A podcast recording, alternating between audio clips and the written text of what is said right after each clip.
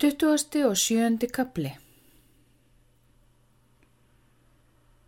Sér að Jósteinn var ekki heill maður það sem eftir var vetrarins. Hann messaði aldrei framar á æfinni. Sárin gáttu ekki gróið, sorgin ekki sefast. Honum stóð ótti af geðríki germundar og þráði þó að meg að kalla hans són. Breyta við hann eins og fadir. Hann gatt verið líkur því sem hann var sjálfur á skólaárum sínum, meðan hann var ungur og óheftur, meðan hann hafði frelsið. Báðir gæðríkir og sjálfræðisgjarnir, báðir blóðheitir og gjarnir á að tepla á tvíhættuna. Hann hafði aldrei séð ættarbræðið glögt fyrr en nú. Honum hafði verið þelhlíkt til germundar áður, en bælt allar föðurlegar tilfinningar niður, verið gætin og varkár.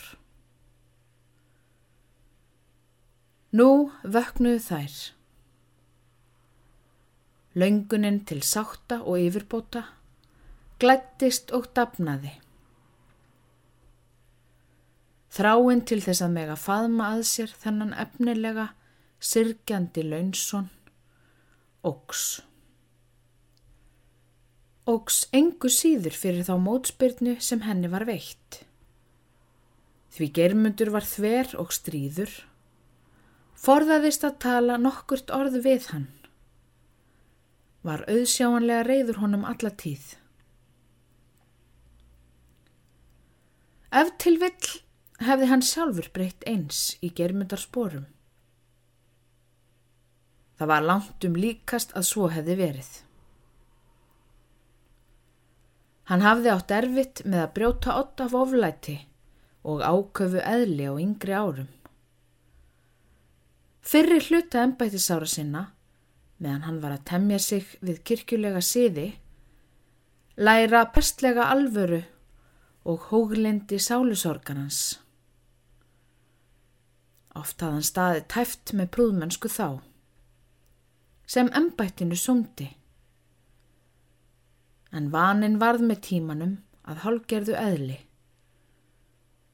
Hann vandist á að fara gætilega með vínið, bera ölvanina með alvöru og stillingu. Og þó kom það fyrir. Og það ekki sjaldan, lengi fram eftir æfinni, að hann misti taumhaldið í hópi kunningja sinna og varð fjörmestur og ófyrirleitnastur þeirra allra.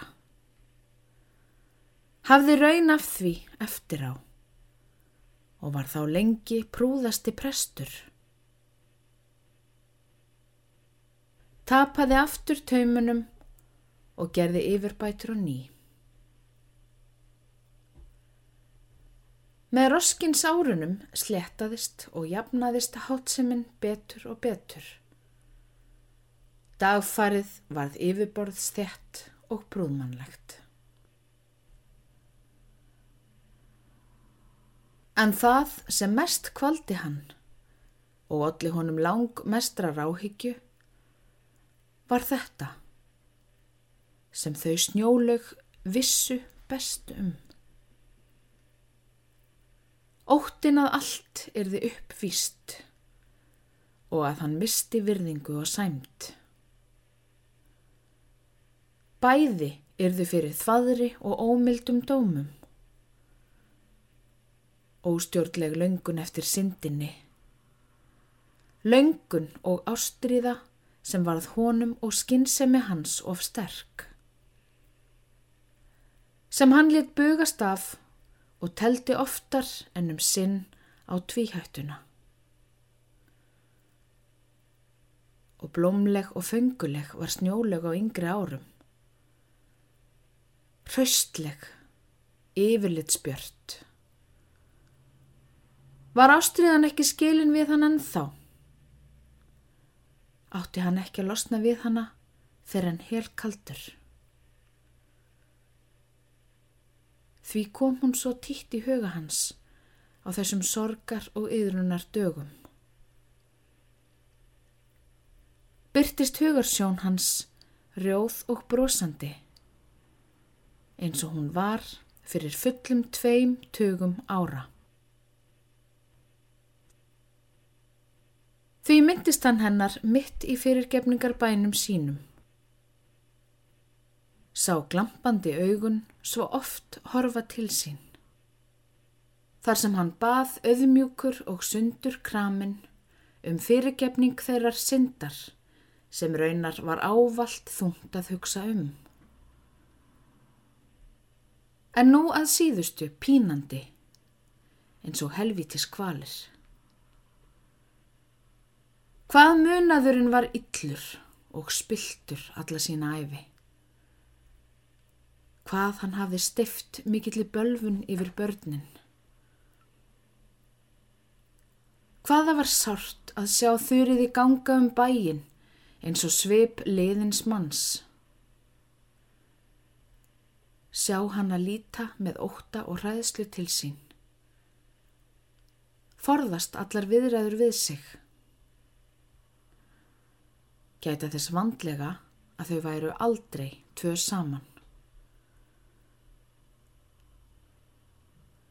Sjá hann að berjast gegn veikinni í fimm daga og svo þessa ströngu mánadarlegu. Heyra móður hennar gráta og andvarpa.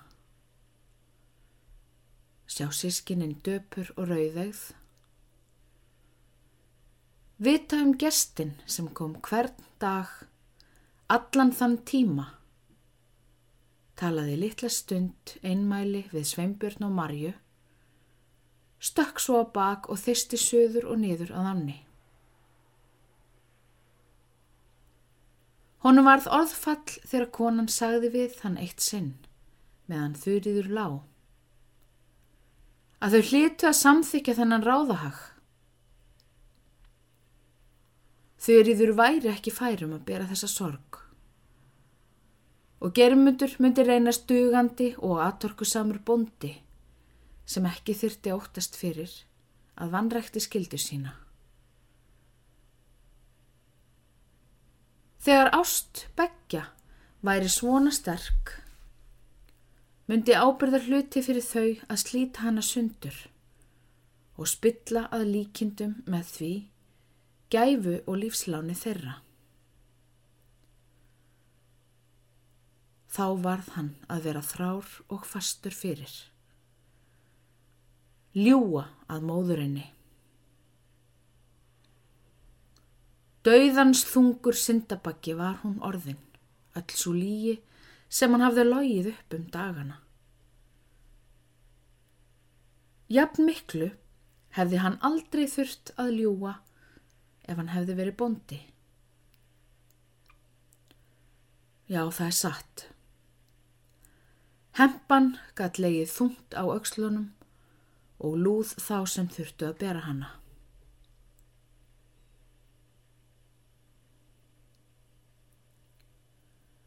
Oft þegar hann gekk þögull og lútur um golf í frambaðstofinni heyrði hann fólkið tala um hvað germundur drikki oft og væri á sífældu slangri frá heimilinu. Riði æfinlega í sprettinum millir bæjana hirfi stundum að heiman á vökunni og svo herðist reyðdinurinn, hófaskellir og hundageltið. Ímist fram hjá beitarhúsum eða norður undir gíslastöðum. Þeir standa austan ár, gengt grund. Hann dræpi herstin og sig með þessu háttalagi. Fólkið talaði látt og sína milli, en sér að Jósteinn herði og skildi, lagði saman og glemdi engu. Vissi hvernig germundi myndi innan rifja og létti lítið í skapi við það. Sáð verlindið og gremjuna svo skýrlega mert á andliti germundar. Sá hann verða brúnaþungan og kvassan í augum, ef þeir hittust í svip eða gengust hjá. Vita að hann kom aldrei inn fyrir bæjarstaf á grund og þáði þar aldrei svo mikið sem einn vastrekk. Vita einnig hvernig hann hafði svarað brefinu, því um daginn. Innilegu, friðgjardlegu og byggjandi brefi. Svara aðeins þessu.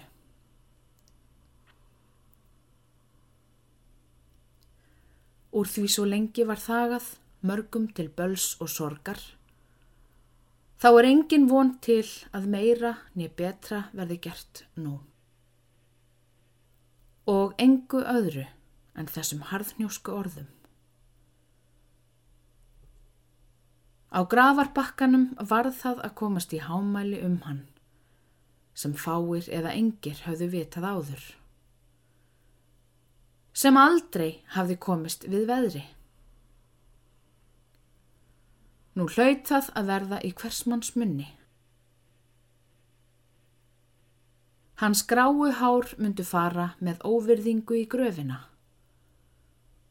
Bara gröfin, kvildin og vonin um miskun guðs til að halla sér að, treysta á og styðjast við.